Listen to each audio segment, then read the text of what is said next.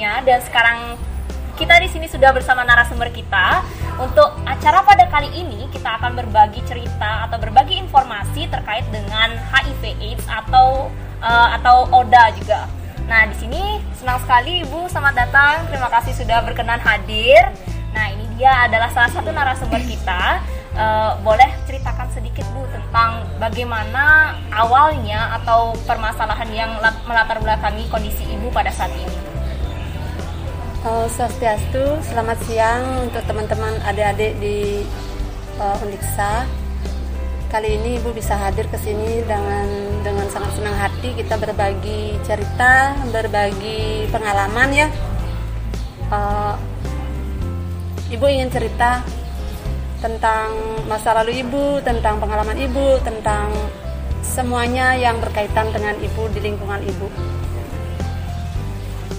Ibu adalah ibu Bulian yang sudah tahu dari tahun 2006 sudah terinfeksi HIV dan hingga sampai sekarang ibu sudah terapi obat. Dan Mas Tungkaru sekarang sudah bisa bekerja, bisa yeah. menghidupi anak-anak sekolah. Dan bisa hidup seperti yang lainnya yang sehat-sehat di sebelahnya orang lain bisa melihat ibu dari sisi yang sudah sakit kok bisa bekerja bisa bisa menjalani hidup dengan biasa gitu. Kalau ada adik-adik yang mau bertanya ibu tidak bisa kalau tidak tidak ditanya tidak bisa tidak bisa menjawab gitu masalahnya iya nanti nanti adik yang nanya-nanya iya. bu uh, Nah, ibu ini adalah salah satu narasumber yang sangat luar biasa inspiratifnya. Beliau berkenan untuk membagi informasi dan saya harap teman-teman khususnya generasi muda yang menonton acara ini bisa mengambil sisi positifnya yang kami bagi pada saat ini. Nah, berkaitan dengan HIV AIDS dan ODA, Bu. Uh, adik punya pertanyaan, kalau misalkan ibu sekarang apakah kondisinya sudah diketahui oleh keluarganya ibu statusnya? Semua sudah tahu. Semua sudah tahu. Semua sudah tahu lingkungannya, keluarganya, tempat ibu bekerja semua. Hmm. Lalu uh, boleh saya tahu gimana responnya mereka, Bu? Dulu ketika mereka masih tahu ibu sakit ya mungkin takut ya karena sekian tahun yang lalu bukan waktu yang dekat untuk kita mengenal penyakit itu ya. Hmm karena dulu dia melihat ibu dengan fisik ibu yang sangat sangat eh sangat ekstrim dan tidak seperti sekarang. Ya ya banyak lah ada diskriminasi lingkungan segala macam dari keluarga juga ada. Tapi karena mereka sekarang sudah melihat ibu bisa seperti sekarang ini mereka jadi salut sama ibu. Bisa ya, bisa mandiri bisa bekerja bisa bisa menjalani hidup dengan dengan seperti yang lainnya. Iya benar sekali saya juga melihat ibu wah ibu kuat sekali. Jadi ibu sudah sudah bisa kerja dan bahkan tadi ibu sempat cerita dengan adik itu sekarang kerjanya di kebun buah naga gitu bu ya. Bisa sampai 8 ton ya bu ya. Wah itu luar biasa sekali saya bisa mendengarnya. Terus uh, jadi diskriminasi itu nyata adanya bu ya? Nyata. Nyata, nyata sekali. Mm -hmm. dan adik itu sangat luar biasa melihat ibu di sini. Seperti wah apa yang memotivasi ibu sehingga ibu bisa di sini sekarang? Bagaimana cara ibu menguatkan diri seperti itu? Satu cuman pada dasarnya ibu ingin berbagi ya mm-hmm. supaya anak-anak kalau ada adik kita ini tidak seperti jadi seperti ibu mm-hmm. supaya bisa mereka jaga jarak bagaimana caranya kita supaya tidak terinfeksi yeah. kan seperti sekarang ada adik kan sudah tahu bagaimana penularannya gitu. ibu cuma ingin ingin menjadi contoh supaya oh ternyata penyakit seperti itu nggak seperti yang orang kira seperti ya. yang orang bilang. Begitu aja sih. Iya hmm, benar banget. Jadi uh, banyak orang yang sudah tahu informasinya tapi mereka masih menjaga perspektif kirinya iya. kayak gitu bu ya. Hmm, padahal untuk uh, HIV AIDS itu sendiri mitos faktanya itu benar-benar beda gitu bu ya. Faktanya sekarang kita masih bisa ngobrol seperti biasa iya, seperti itu bu ya. Bisa sih bisa kerja bisa pokoknya bisa hidup secara normal iya. Bahkan ibu juga kerja bu ya sekarang ya. Bahkan ibu kerjanya nggak siang aja loh malam kan buah naga itu kan dikawinkan iya. malamnya juga kerja. Jadi kalau malamnya kerja ibu paginya nggak kerja, siangnya ibu kerja. Oh iya iya benar-benar. Buah naga. Saya sangat tertarik dan salut sama ibu. Untuk saat ini ibu sekarang ini bisa udah tegar lagi dan ibu bisa juga berbagi informasi sama teman-teman di sini. Nah untuk berkaitan dengan penyakitnya bu, eh, saya sendiri juga mungkin teman-teman yang menonton ini mereka belum tahu gimana penanganan dan pengobatannya bu. Bisa sharing sedikit tentang itu bu? Kalau masalah penanganan dan pengobatannya kita hidup sehat aja ya, hidup sehat. Kalau seperti ibu ini kan udah udah kontrol rutin rumah sakit, itu aja minum obat yang rutin, jangan sampai lewat lah sama jamnya. Sehat makan sehat jangan suka menggadang tapi ibu juga menggadang Harus teratur bu ya berarti. harus teratur hidupnya pokoknya nggak boleh stres nomor satu Oh iya benar.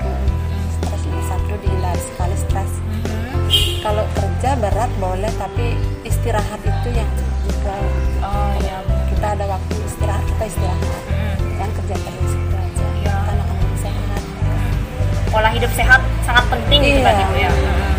Terus pas awal-awal tuh bu, pas eh, baru tahu ternyata positif.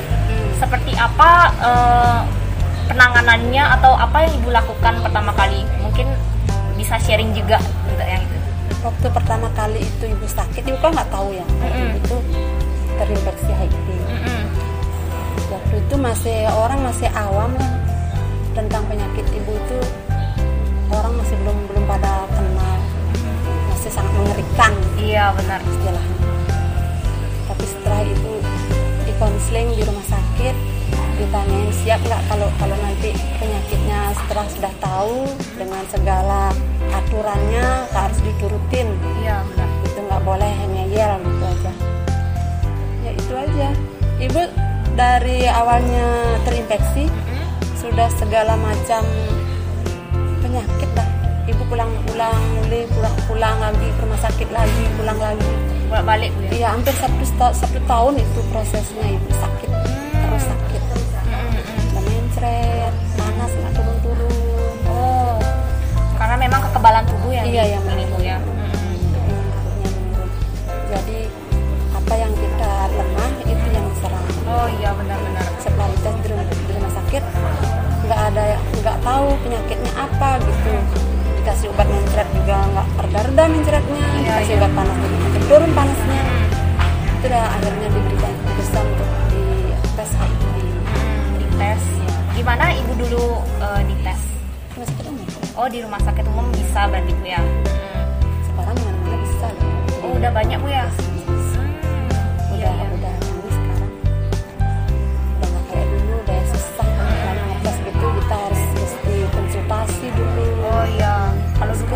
Ya. Iya, kalau sekarang sekarang udah tinggal kita sama ini dokternya bilang kalau saya mau tes langsung aja. Gitu bu ya. Oke.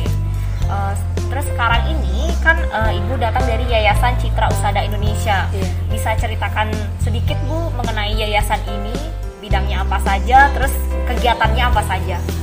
Bidangnya banyak ya. Mhm. Yang jelas eh, Citra Usada itu mengayomi kita yang sakit,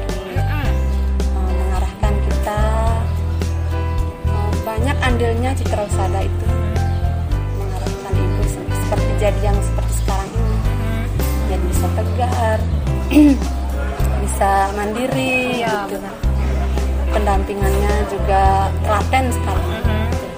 banyak sekali punya andil besar sekali di Sada. Mhm. Karena di sana juga kita bisa bertemu-temu dengan orang yang senasib sama Ah, kita, jadinya kita di sana sharing, curhatan. Berarti nyaman jadinya bu di Iya, dalam sana ya. merasa kita punya teman, punya saudara di sana. Iya iya benar-benar. Selain keluarga kan gitu. Mm-mm. Terus eh, gimana prosesnya atau awalnya ibu kenal dari yayasan ini?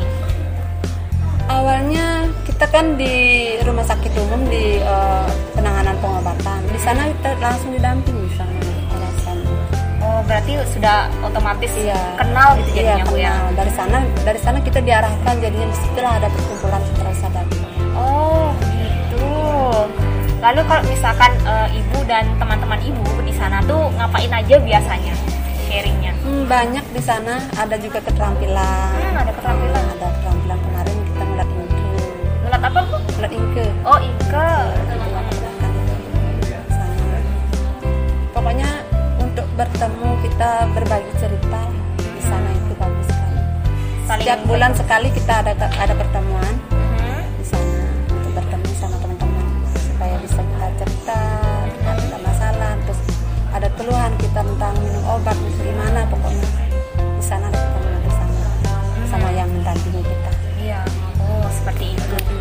memang aktif ya bu ya Iya. di sana. Eh, itu ada base campnya atau markasnya itu nggak sih? iya markasnya ada Ada di mana? Bu? di Lopina Oh di Lovina. Hmm. Terus setiap minggu ibu sama temennya ke sana Nggak setiap ya? minggu, eh, setiap setiap bulan. bulan. Heeh, sana sharing di sana keterampilan gitu Bu ya. keterampilan kadang-kadang belajar juga Oh belajar. belajar tentang uh, ilmu kekebalan tubuh banyak pokoknya kita belajar di sana Oh ada yang memberi informasinya juga Bu ya. ada yang Terus ada eh, pasti ada pertanyaan dari teman-teman eh, penonton pada saat awal terinfeksinya itu Bu. Apa yang terjadi dan apa yang ibu rasakan pada tubuh ibu, ibu pada saat itu? lemas Lemes. Mhm. pokoknya imun kekebalan tubuh kita itu diserang Mhm. kita jadi lemes uh, tensinya turun terus Oh tensi turun terus. tensinya turun terus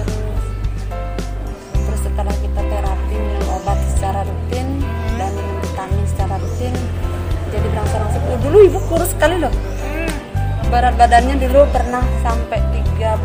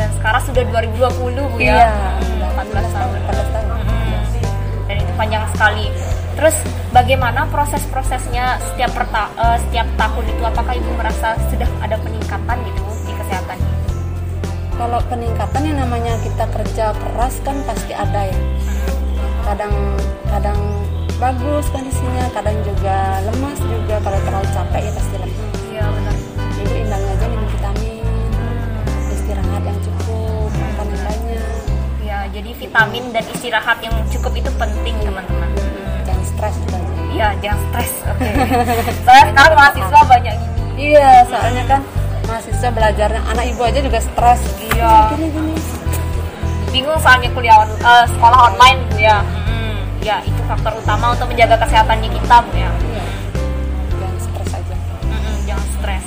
Terus kalau misalkan sekarang nih eh, ibu lagi kegiatannya apa aja sibuknya di yayasan ini? Apakah ibu banyak juga jadi informasi eh, menyebar informasi seperti ini? Bu? Iya di yayasan sih kita cuman nimbrung sama teman-teman aja itu aja. Eh, kalau ada kegiatan kita kumpul. Kalau eh, apa kita sharing sama teman-teman berbagi lah sama teman-teman. Kemarin juga ada kegiatan buat ingke gitu. Mm. Buat keterampilan kan ada yang teman-teman nggak kerja gitu biar stres di rumah. Ibu kebetulan bisa buat ingke ibu ajarin teman-teman.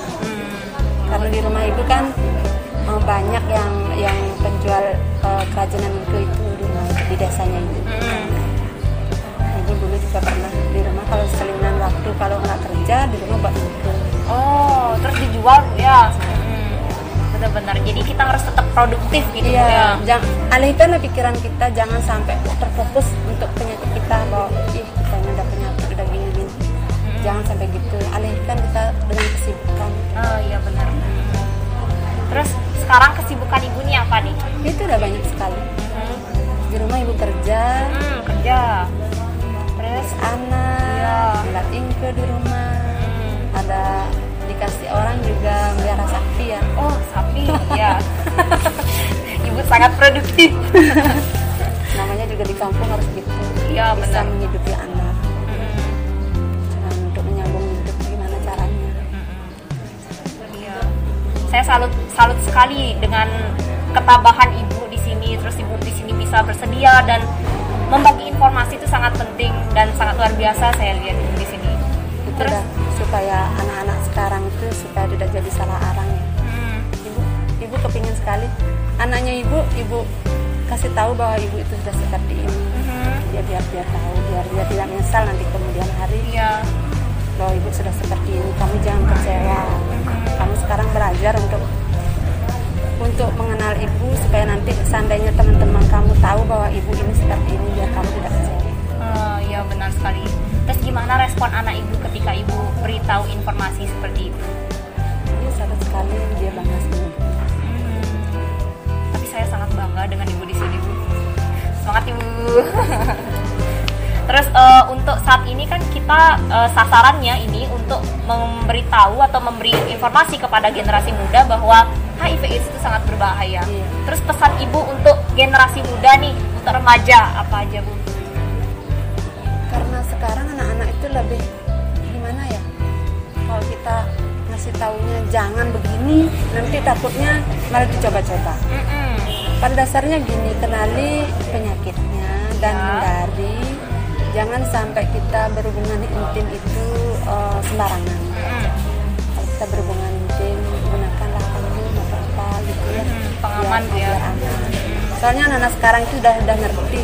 Oh, iya. mesti dikasih tahu dia pasti sudah tahu kan. Hmm, soalnya gampang juga nyari informasi bu ya. Iya, gadget itu online gitu Gadget aja. online. Nanti kalau ibu ngeyel dikasih tahu begini taunya dia malah lain. Iya, bener bener bener banget.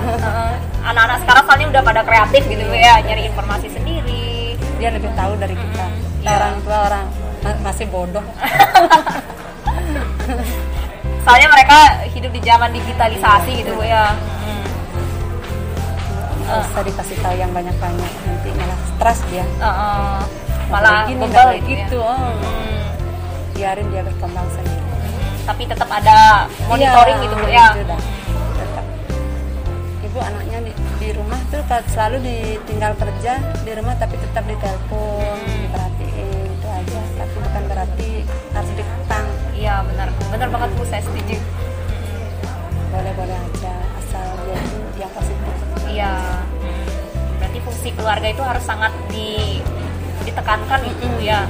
komunikasi sangat penting Iya benar, komunikasi sangat penting. perhatian sangat penting itu aja biar dia merasa diperhatiin walaupun ibunya kerja cari uang tapi dia tetap masih diperhatiin Oh iya benar. Ini salah satu fondasi yang penting buat anak gitu ya.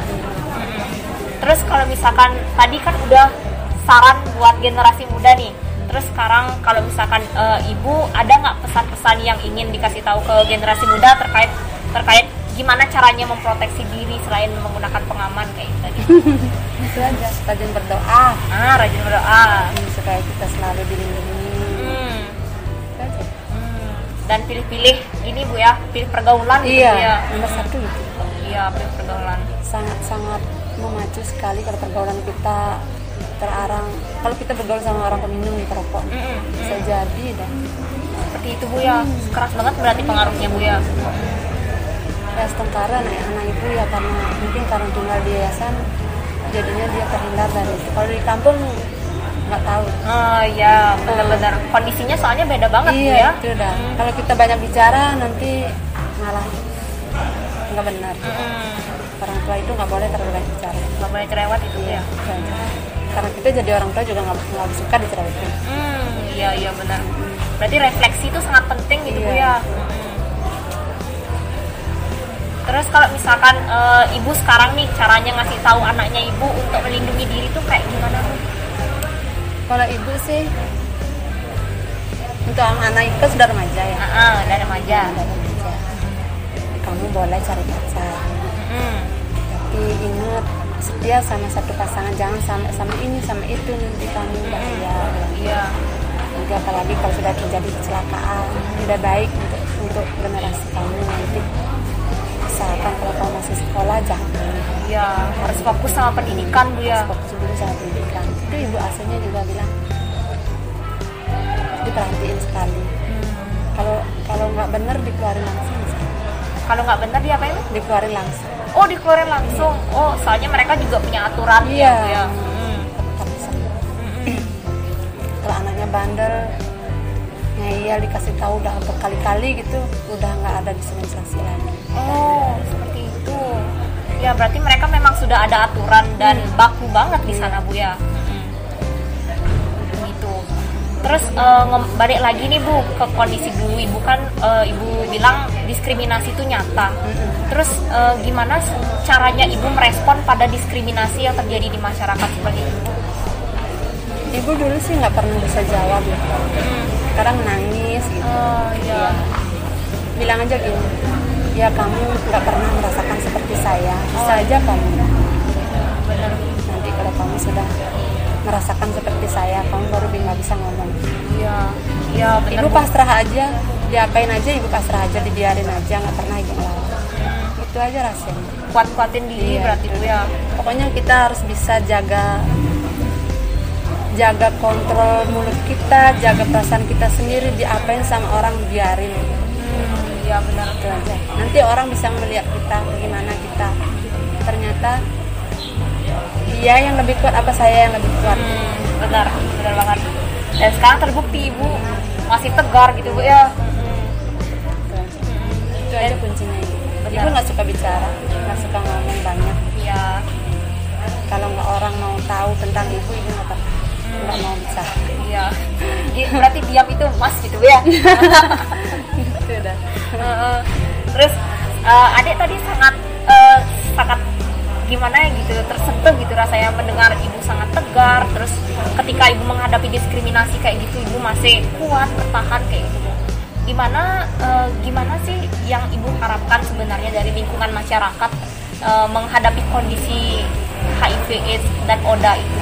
Apakah mereka semestinya diedukasi lebih banyak sehingga mereka tidak mendiskriminasi lagi?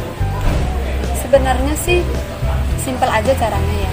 Ibu kan sudah jadi contoh nyata nih. Ya mereka itu nggak perlu dikasih tahu biar begini-begini harus diterima kita di lingkungannya mereka kita juga di, mereka nggak mau terima tapi lambat laun mereka akan tahu kenyataannya bagaimana itu aja Iya ya, berarti contoh nyata gitu semestinya mereka Iya. lebih sadar gitu iya ya. gitu dah akhir lingkungan ibu kan jadinya begitu jadi Iya. sekarang Sekarang sudah biasa dulu ya contohnya seperti ini ibu dulu eh, kalau kondangan nih ke tetangga ibu Oke. eh jangan dah kamu tuh eh, ikut buat ma- makanan nanti orang-orang pada tertular Mm-mm. tapi sekarang malah ibu dikasih tahu "Ih, kamu pintar masak kamu bantuin ya masak ya Hmm. itu Iya, itu banget. jadi contoh nyata bukan Mm-mm, bener bener-bener itu Iya. ibu nggak nggak nggak harus harus kamu oh, dengerin omongan saya bahwa saya seperti ini Iya. enggak dia akan melihat lambat laun sekian tahun dua tahun tiga tahun dia akan melihat bagaimana saya gitu. Iya benar. Nah memang banyak sih sekarang eh, mereka udah dapat informasi tapi ilmu yang dia. mereka dapat nggak diterapin gitu Iya, ya. itu. Mereka masih percaya sama mitos banyak kan gitu. itu dah. Padahal semestinya nggak boleh gitu Iya, ya. kita kan sama orang punya perasaan Iya, benar, sama benar manusia kita Mm-mm. nggak boleh seperti itu Iya. kita hargai siapa sih yang mau kena penyakit kan Mm-mm, gitu benar aja banget. kita harus hormati dia Iya. bahkan kita kalau melihat orang sakit mestinya kan kita prihatin Iya, ya benar. kasihan nggak mesti harus dicemooh gitu Mm-mm. ini kalau orang nggak mengerti begitu Iya, begitu jadinya Iya, seperti gitu. orang-orang luar sana ya. Itu jadi yang nyemoh lah dia nggak tahu dirinya akan seperti apa gitu. Mereka juga nggak mikir perasaan iya gitu penderita gitu Bu ya. tapi sekarang tetangga ibu banyak ya kalau ada nanti tolong ya kamu datang bantuin masak gini kamu pintar masak kamu pintar bikin kue nanti dibantuin udah udah tahu dia Iya, mereka mungkin sudah sadar. sudah sadar mungkin Art- artinya penularannya orang terkena oda itu nggak segampang yang mereka kira Iya, benar-benar banget. jadinya mereka lebih terbuka jadinya Iya. Nah, ini dah yang sebenarnya harus berperan gitu Bu ya, saling Iya. bagi informasi kayak gitu. Harus juga sadar kalau misalkan eh, suatu hal tuh nggak boleh dipandang kiri aja kayak gitu Bu ya. bukan yang sepele Eh, eh, dipandang sepele nggak boleh kayak gitu Bu ya. jangan merendahkan Benar banget. kan kita punya perasaan Mm. kita harus saling menghargai ya. orang siapa sih yang mau kena penyakit itu aja Iya, dasarnya. benar banget. Berarti toleransi kita harus dipupuk lebih lanjut Bu ya. Hmm. Oke, sebelum kita tutup acara ini Bu, eh, Ibu ada mau ngasih pesan atau atau seperti motivasi nggak buat generasi muda khususnya remaja untuk menggapai mimpi mereka dan lebih peduli pada lingkungan sekitar mereka? Motivasi ibu kepada teman adik-adik di Uniksa atau adik-adik siapa saja ya, Ya. yang mendengarkan ibu. Kita banyak berdoa, kita jalani hidup ini secara normal-normal saja deh. Jangan ngeyel, belajar-belajar saja. Jangan kasihani orang tua kita sudah menyekolahkan, sudah berjuang. Biar kita jadi orang yang berguna. Nanti kalau sudah berhasil, siapa juga yang akan Yang bangga gitu. bangga gitu. Iya. Jadi itu dia teman-teman saran dari ibu Eh, dan juga kita harus lebih peduli pada lingkungan, peduli terhadap orang sekitar. Jangan lupa jaga perasaan orang lain juga ya teman-teman. Nah, terima kasih sudah menonton, terima kasih Ibu sudah datang di sini dan berkenan membagi informasi. Saya Sania Indri Wahini dan terima kasih telah menonton Ruby Gensa. Selamat siang. Salam genre.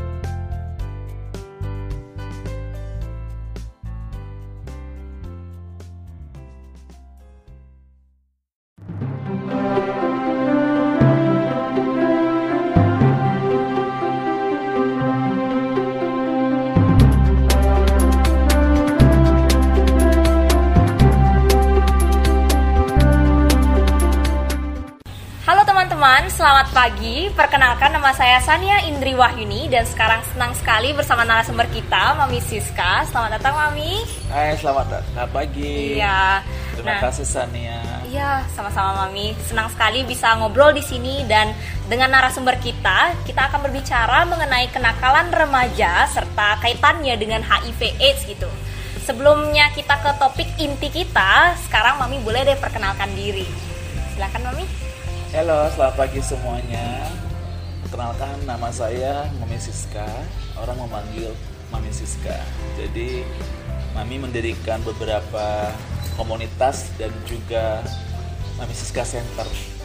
Itu peduli Mami dengan dengan keman- kemanusiaan, pendidikan dan juga alam. Di sana Mami alat untuk mengedukasi masyarakat di Buleleng ini. Terima kasih. Iya, Mami ini adalah aktivis dari anti HIV AIDS serta banyak sekali sudah kegiatan atau foundation yang didirikan oleh Mami. Tadi juga Sania sudah ngobrol dengan Mami, terus tadi ada katanya Mami Center dan Mami ini benar-benar peduli pada masyarakat dan kondisinya pada saat ini. Kayak gitu, teman-teman. Oke, untuk kenakalan remaja nih Mami. eh, untuk saat ini di zaman milenial ini nih banyak ada kenakalan remaja dan itu sangat sulit untuk ditanggulangi especially buat orang tuanya gitu. Terus kalau pendapat mami itu kayak gimana gitu mami? Oke, kalau menurut Mami eh, untuk perubahan perilaku remaja, kalau Mami, ma- ma- Mami nggak nggak nggak kurang kurang setuju ya memakai topik kenakalan remaja ya karena remaja itu bukan nakal buat Mami, mereka itu hanya perlu diperhatikan, diperdulikan karena remaja itu kan dia mencari jati diri. Iya, gitu benar ya. Emang sih ya, oke okay kenakalan remaja untuk biar biar untuk eh, trending apa tuh lain lain lain topiknya Eh, memang sih remaja kalau yang tidak tidak begitu benar dalam mengambil sikap atau kepedulian jadi di label kenakalan remaja. Nah untuk kalau hal itu di Buleleng ini atau di Bali kasusnya meningkat meningkat terus eh, karena eh, mereka mencari diri mereka mencari eh, pergaulan mereka ingin menemukan siapakah diri saya maka dari itu hal yang paling penting adalah peran serta kita sebagai orang tua atau sebagai orang yang peduli dengan anak-anak mengedukasi dan memperdulikan mereka, memberi perhatian lebih dengan cara banyak hal yang bisa kita lakukan. Satu hal eh, kita peduli dengan generasi muda. Hmm, ya benar sekali teman-teman. Jadi remaja itu sebenarnya kondisinya dia tuh sedang menyesuaikan dengan apa interestnya mereka gitu Iya. ya mami ya benar-benar. Terus kalau misalkan dengan HIV AIDS kaitannya mami, kayak gimana kondisinya pada saat ini? Oke, kalau untuk remaja kalau dikaitkan ke HIV AIDS, eh, remaja di Buleleng dan di Bali kasus remaja terinfeksi HIV AIDS hampir eh, 0% ya. Namun kalau usia produktif, usia produktif dewasa dalam artian dari usia 21 sampai 45 tinggi kasusnya. Kalau di Bali di Buleleng ini kita eh, kita per kemarin berdata per kemarin Oktober di angka 3.200. Wah. Jadi tinggi kasusnya ya. Kita punya kasus peningkatan setiap setiap bulannya hampir 5 sama 6. Terus kalau di di global di Bali kita juga tinggi hampir di angka 12.000 Oh. yang terinfeksi HIV AIDS Buleleng. Jadi kalau dikaitkan sama remaja, nah sekarang ini kan di sekolah-sekolah itu di masing-masing sekolah SMP, SMP, SMP dan perjuruan mereka sudah ada namanya KSPAN. Kak. Oh iya, KSPAN di sana KSPAN itu adalah wadah bagaimana remaja bisa mengakses informasi tentang HIV AIDS dan IMS atau infeksi menular seksual. Jadi ada sana ada guru pembina, ada guru pembina dan juga ada relawan dan bahkan ada para siswa yang berminat menjadi volunteer atau pembina dididik atau diberikan pelatihan sebaya. Iya. Jadi kalau mami melihat di era milenial ini eh, antisipasi eh, badan atau usaha atau instansi sudah sebegitu eh, seriusnya karena kita menanggulangi atau tidak mau ada hal-hal yang merugikan buat remaja itu sendiri. Ya, jadi itu informasinya teman-teman. Terus tadi kan Mami bilang kalau misalkan remaja itu sebenarnya sedang menyesuaikan Ya. dan mereka juga betul. sebenarnya bisa untuk memproteksi diri. Nah, eh, kami di sini kan dari Pick M Pelana, Ya. jadi kami juga aktif dalam menjadi konselor gitu Mami. Nah, kami pengen tahu nih saran Mami gimana caranya kami sebagai generasi muda khususnya remaja untuk membagi informasi selain dari sosialisasi ini. Gimana caranya kami biar bisa efektif ngasih informasi ke teman-teman kami mengenai HIV AIDS. Oke, eh, kalau kalau menurut mami kita ada tiga rumus, Eh, tiga rumus satu kita jemput bola, terus eh, mungkin kita kerjasama dengan sekolah-sekolah karena di sekolah, sekolah itu banyak wa- remaja di sana. Terus satu satu lagi kita turun ke lapangan, langsung ke lapangan ke hotspot. Eh, kalau mami, hmm, jadi mami eh, sering diundang ada beberapa mereka remaja itu mendirikan komunitas, ada komunitas motor, komunitas eh, pergerakan-pergerakan apalah yang ingin menunjukkan dirinya inilah saya seperti itu. Jadi ya ambil contoh kecil di Buleleng ini ada komunitas motor, metik, motor eh, motor klas klasik atau geng motor lah istilahnya, istilah umumnya geng motor. Dan mereka eh, aktif mengundang mami untuk eh, ikut rapat duduk dalam dalam eh, membahas suatu kegiatan. Jadi mami eh, menyambut sekali kegiatan undangan mereka. Dan di sanalah eh, kunci atau pintu buat mami untuk membe- memberikan edukasi mereka memasukkan tentang HIV AIDS dan apa itu IMS atau infeksi menular seksual karena remaja rentan sekali eh, terinfeksi eh, IMS infeksi menular seksual karena perubahan perilaku yang harus kita eh, kontrol seperti itu.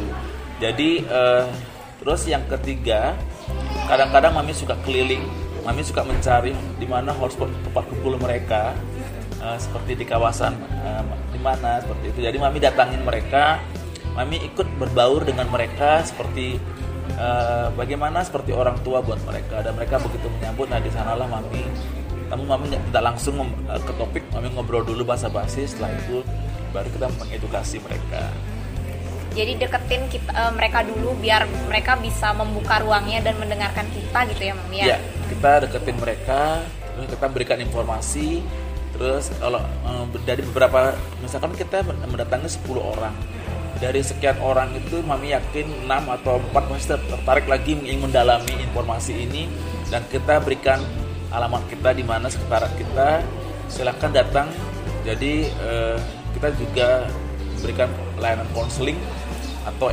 informasi seperti itu Seperti itu. Lalu kalau misalkan eh, berbicara tentang konseling lagi nih Mami, eh, kami sebagai generasi muda sangat perlu orang yang bisa menginspirasi kami untuk aware atau peduli terhadap lingkungan. Nah caranya eh, dari Mami ada nggak sih saran atau atau motivasi untuk kami sebagai generasi muda biar bisa kayak peduli nih terhadap lingkungan kayak gimana itu Mami? Oke, di lingkungan itu kita kita ambil lagi ada fungsi keluarga. Fungsi keluarga dan lingkungan berkaitan ya. Ada lingkungan lingkungan itu banyak ya. Ada lingkungan sekitar itu adalah alam, ada lingkungan di mana kita tinggal, ada lingkungan juga lingkungan di keluarga. Jadi Mami hanya eh, menyarankan untuk men- mendalami lagi apa itu fungsi keluarga. Ada fungsi agama, fungsi budaya, fungsi pendidikan, banyak hal.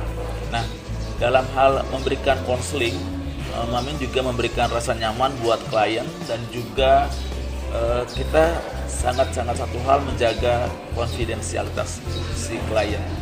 Jadi dalam dalam memberikan eh, pusat pelayanan konseling itu, Mami selalu mengedepankan client center. Jadi kita hanya bersifat menggali, menggali si klien bercerita seperti itu. Nah, untuk pertanyaan Sania yang tentang bagaimana kita menyikapi lingkungan itu adalah kembali ke diri kita sendiri dulu. Jadi kita bercermin ke diri kita. Nanti setelah kita menemukan apa itu lingkungan, baru kita terjun ke masyarakat, mengedukasi atau memberikan eh, kegiatan langsung ke lingkungan. Jadi itu memberikan efek yang positif buat eh, kegiatan yang kita selenggarakan untuk di lingkungan yang kita buat. Itu. Iya. Tadi Sania juga bincang-bincang sama Mami sebelumnya yang Mami Learning Center gitu, Mami Iya. Learning Center.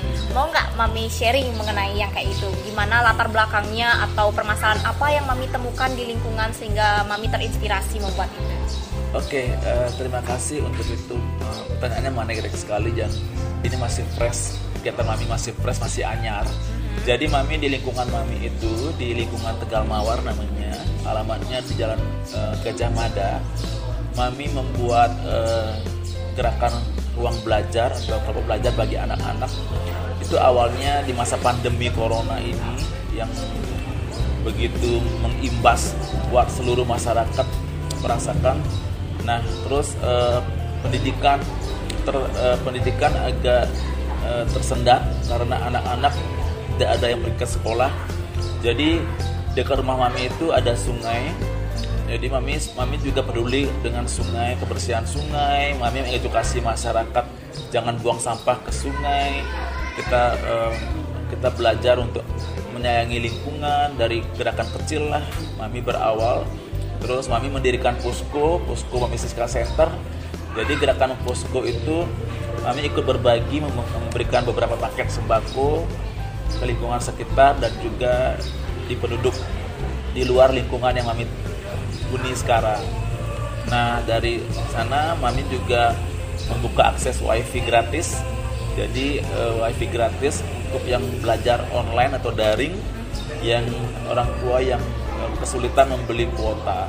Jadi mereka datang ke tempat Mami, mereka belajar di poskonya Mami. Dari sanalah Mami tercetus. Mami membuat Mami Mami Siska English English course. Jadi karena Mami merasa saya punya, saya bisa bahasa Inggris, saya bisa beberapa bahasa lainnya. Kenapa tidak saya metuangkan ini ke masyarakat atau ke lingkungan? Jadi Mami membuka membuka eh, ruang belajar dengan nama Mai Melajah artinya Mai Melajah dalam bahasa Bali nanti Mami akan bawa ini ke mana-mana Mai Melajah itu artinya come here to learning mari ke sini belajar gitu Iya. jadi mengundang mengundang anak-anak kecil di awal-awal Mami undang anak beberapa anak kecil Mami latih hanya basic hanya menghitung account hanya tentang bagaimana melafalkan hur- huruf di bahasa Inggris yang dengan bahasa Indonesia sangat berbeda. Nah dari sana Mami buat uh, lagi kelas-kelas kelas dan akhirnya sekarang sudah ada lima kelas yang Mami bentuk di sana dan Mami punya dua relawan yang ikut mengajar dari jam 3 sampai jam 9 malam. Jadi masing-masing kelas itu satu setengah jam karena uh, Mami mengedepankan metode-metode pendidikan belajar langsung praktek, belajar langsung praktek. Ya. Jadi uh, Mami mem mem memacu memacu mereka untuk berani percaya diri tampil sekarang Mami melihat perkembangannya sudah lumayan bagus. Dari awal mereka grogi bagaimana mereka ke depan perkenalkan diri mereka begitu nervous. Jadi mami kuatkan mereka berikan berikan uh, push push dengan kata-kata dan juga dengan ya bagaimana seorang orang tua yang merangkul anaknya lah. Jadi mereka sudah percaya diri. Bahkan kadang-kadang mereka berlomba ingin menunjukkan dirinya kadang kami lagi-lagi membuka ruang. Halo siapa yang mau ke depan praktek jadi praktis ke depan jadi mereka langsung anak itu berlomba saya mami saya mami ya gitu. Dari sanalah kita melihat pertumbuh kembangan mereka terus bagaimana mereka nyamannya. Uh, mami selalu bilang sekolah non formal ini adalah ruang belajar yang harus membawa kebahagiaan.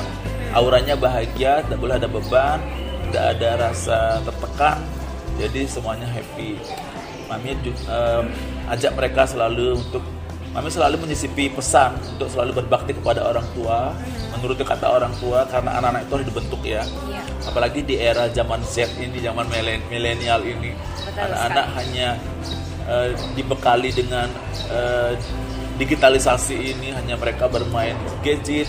Jadi uh, pada orang tua setuju mereka mengantarkan anaknya ke sekolahnya mami, sekolah normal mami dengan ada yang berkata saya ingin mereka itu uh, sejenak dua jam uh, tidak memegang handphone mami. Ah.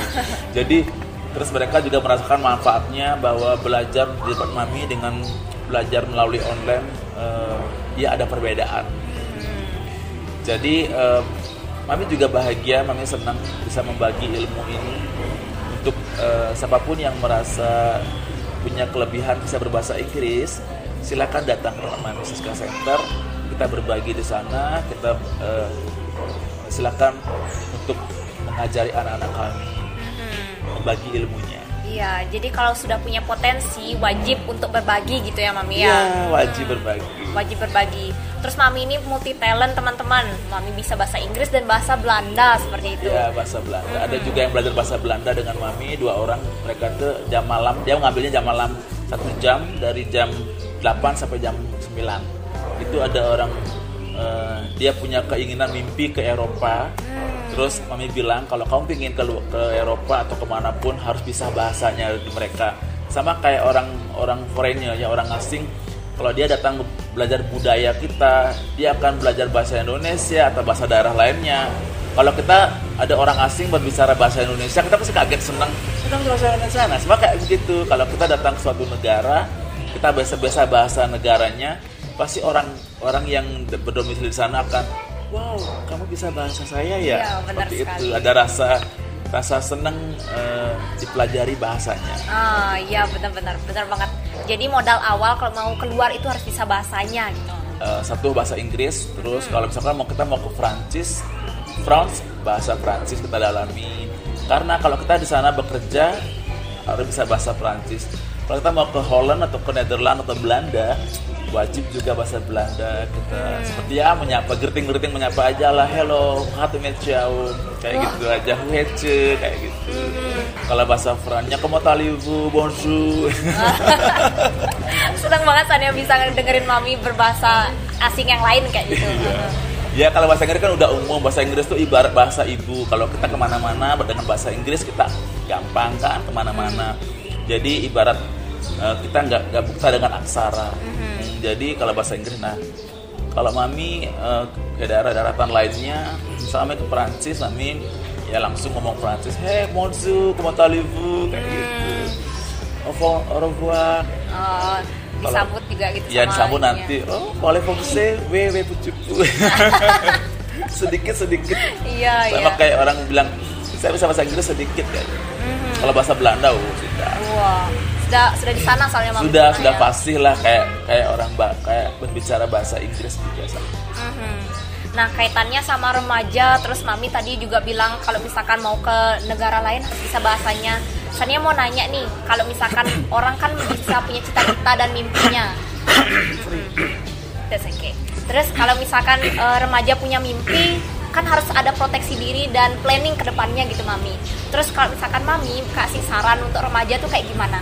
Biar bisa mereka fokus ke depan kayak gimana? ya itu kalau kamu punya mimpi mimpimu rela mimpimu setinggi langit Nah, kalau punya mimpi wujudkan mimpimu jangan hanya menjadi eh, di hayalan saja mimpi itu bisa eh, diraih dan percaya pasti terwujud itu nah yang paling fokus adalah kita belajar. Belajar belajar. Karena ilmu itu nggak pernah habis eh, dipelajari. Ilmu itu apa saja ada. Dan kita apalagi dengan eh, di era digitalisasi dig- digitalisasi ini di era modern benar-benar eh, sangat gampang mencari informasi atau ilmu. Tinggal searching di Google atau di mana pun ada ada eh, tempat-tempat belajar yang bisa mudah diakses seperti itu. Seperti itu. Nah, jadi eh, saran mami ya motivasi diri dulu, ra- bangkitkan rasa percaya diri, terus yakin bahwa saya pasti bisa meraih mimpi saya. Itu adalah mimpi dan percaya bahwa kita bisa mengubah diri kita menuju tangga-tangga kesuksesan. Iya. Berarti memang harus naik level-level terus gitu ya, ya, mami ya. level. Ibarat ibarat kita berada di piramida kehidupan. Ah, seperti itulah. Piramida kehidupan jadi kita harus harus membuat sama kayak kayak eh, kayak kita membuat suatu pekerjaan habis satu selesai habis satu selesai habis satu selesai. Jadi kalau kita semuanya dipikirkan numpuk numpuk numpuk numpuk hanya ide-ide tapi tidak ada tidak ada pelaksanaannya tidak ada eh, gebrakan atau eh, suatu hal yang dilakukan ya tetap aja hanya tinggal tinggal di judul saja Nah, iya. Benar banget Sania juga setuju terhadap hal itu. iya Terus kalau misalkan eh, remaja harus memang diproteksi dirinya gitu ya mami. Kalau saat ini yang kayak mami bilang tadi HIV/AIDS itu rentan eh, mengenai remaja. Terus kalau misalkan mami sekarang pesan apa yang mau disampaikan pada remaja untuk memproteksi dirinya mereka dari HIV/AIDS kaitannya untuk meraih mimpinya mereka? Oke, kalau untuk pesan-pesan mami untuk remaja eh, peduli dengan diri sendiri dulu, terus eh, banyak-banyak mengakses informasi tentang apa itu HIV/AIDS, apa bahayanya, eh, apa yang diakibatkan dirugikan untuk diri kita sendiri, andai kita terinfeksi HIV/AIDS atau penyakit penyerta lainnya diinfeksi eh, menular seksual. Jadi eh, kita eh, peduli dengan diri Eh, untuk meraih mimpi itu kita harus sehat. Jadi wujudkan hidup sehat untuk generasi yang sukses dan generasi yang eh, penuh prestasi. Jadi eh, untuk generasi muda atau remaja satu hal kuncinya adalah sayangi dirimu. Jangan sampai menyesal di kemudian hari. Eh, ada kata ada yang terinfeksi, alangkah bagusnya ini pesan mami ya, ada, kata ada yang terinfeksi, alangkah bagusnya dan langkah yang tepat adalah kunjungi dokter spesialis. Jangan melakukan pengobatan sendiri, karena kalau kalian mencari suatu pekerjaan atau suatu profesi, aspek kesehatan itu pasti akan harus dilampirkan. Jadi ada ada tahap kesehatan yang harus dilalui. Karena mutu kesehatan adalah harta tak ternilai. Mhm, Benar-benar setuju banget sama hal itu. Ya, betul. Misalnya, jadi kita harus sangat sangat peduli dengan kesehatan. Seperti mami juga, mami, mami dulu, mami dulu yang menjalani bagaimana apa itu kesehatan, apa itu. Setelah itu baru mami menularkan apa yang mami dapatkan informasi apa yang mami lakukan untuk kesehatan diri kita masing-masing. Bener banget peduli sama diri sendiri terus baru sharing informasinya ke kalayak luas kayak gitu ya mami ya Iya betul ya, luas. Terus satu hal eh, untuk remaja kalau belum saatnya tundalah dulu, jangan dulu melakukan hal-hal yang negatif. Seperti jangan dulu eh, berhubungan eh, kalau belum saatnya. Karena itu sangat merugikan diri sendiri, andai kata tidak terkontrol. Mhm, Iya bener banget.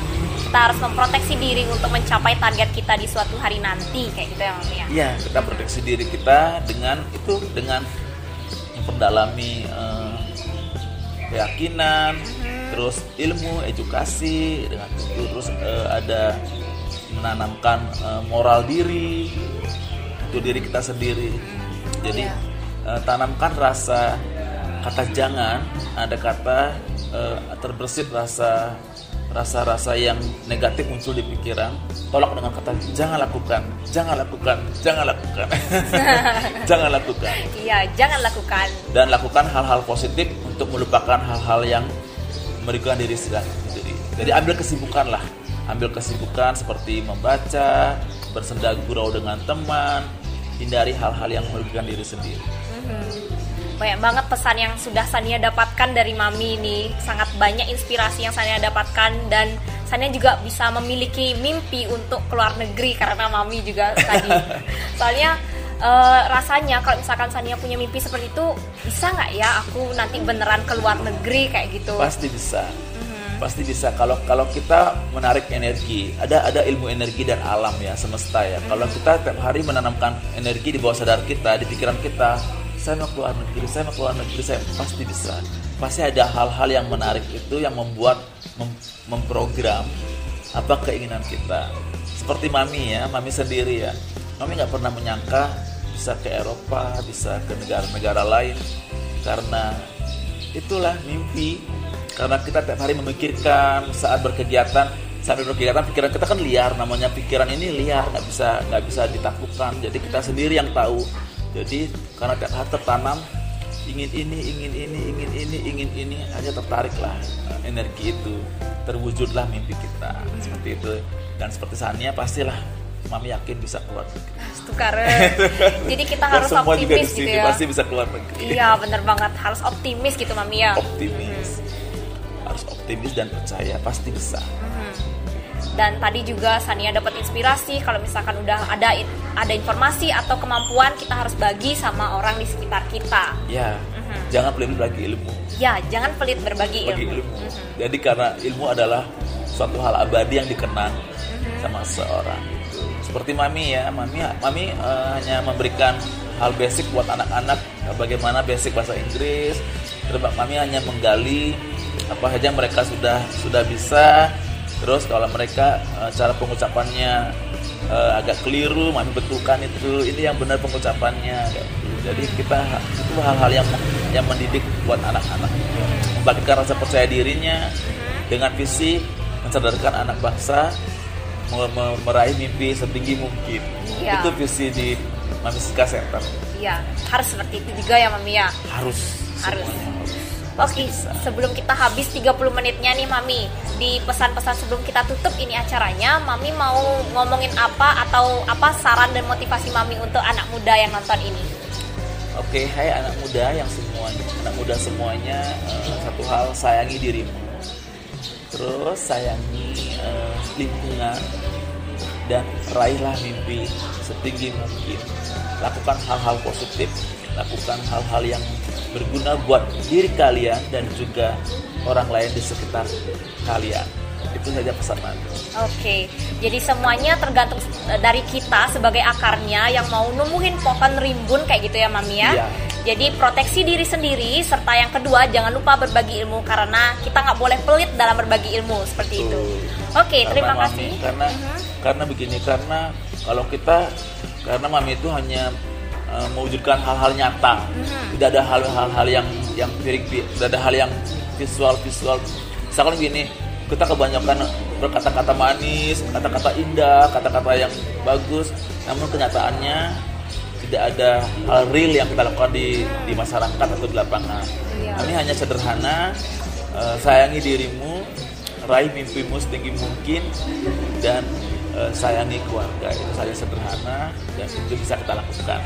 Iya. Dan hal-hal yang yang lain-lain yang berkaitan dengan tiga hal tersebut pasti akan datang bergandengan. Mhm. Jangan lupa eksekusinya teman-teman kalau misalkan sudah ada visualisasi di pikiran kita gitu Pikiran, ya. Mhm. Seperti itu. Terima kasih teman-teman yang sudah menonton. Terima kasih juga Mami Siska sudah datang ke sini. Saya sangat senang bisa berbicara dengan orang yang sangat inspiratif dan bahkan bisa memotivasi sangat banyak buat Sania kalau misalkan mau keluar negeri kayak gitu ya Mami. Terima kasih Mami. Semoga pesannya bisa uh, sampai ke teman-teman uh, para remaja yang menonton ini dan yang mendengarkan ini. Seperti itu. Terima kasih. Saya Sania Indri Wahini dan Mami Saya Siska. Mami Siska Ya, undur diri. pamit undur diri dari acara podcast Ruby Gensa. Gensa. Dadah. Dadah. Salam genre. Salam genre. Eh genre begini. Oke. Oke.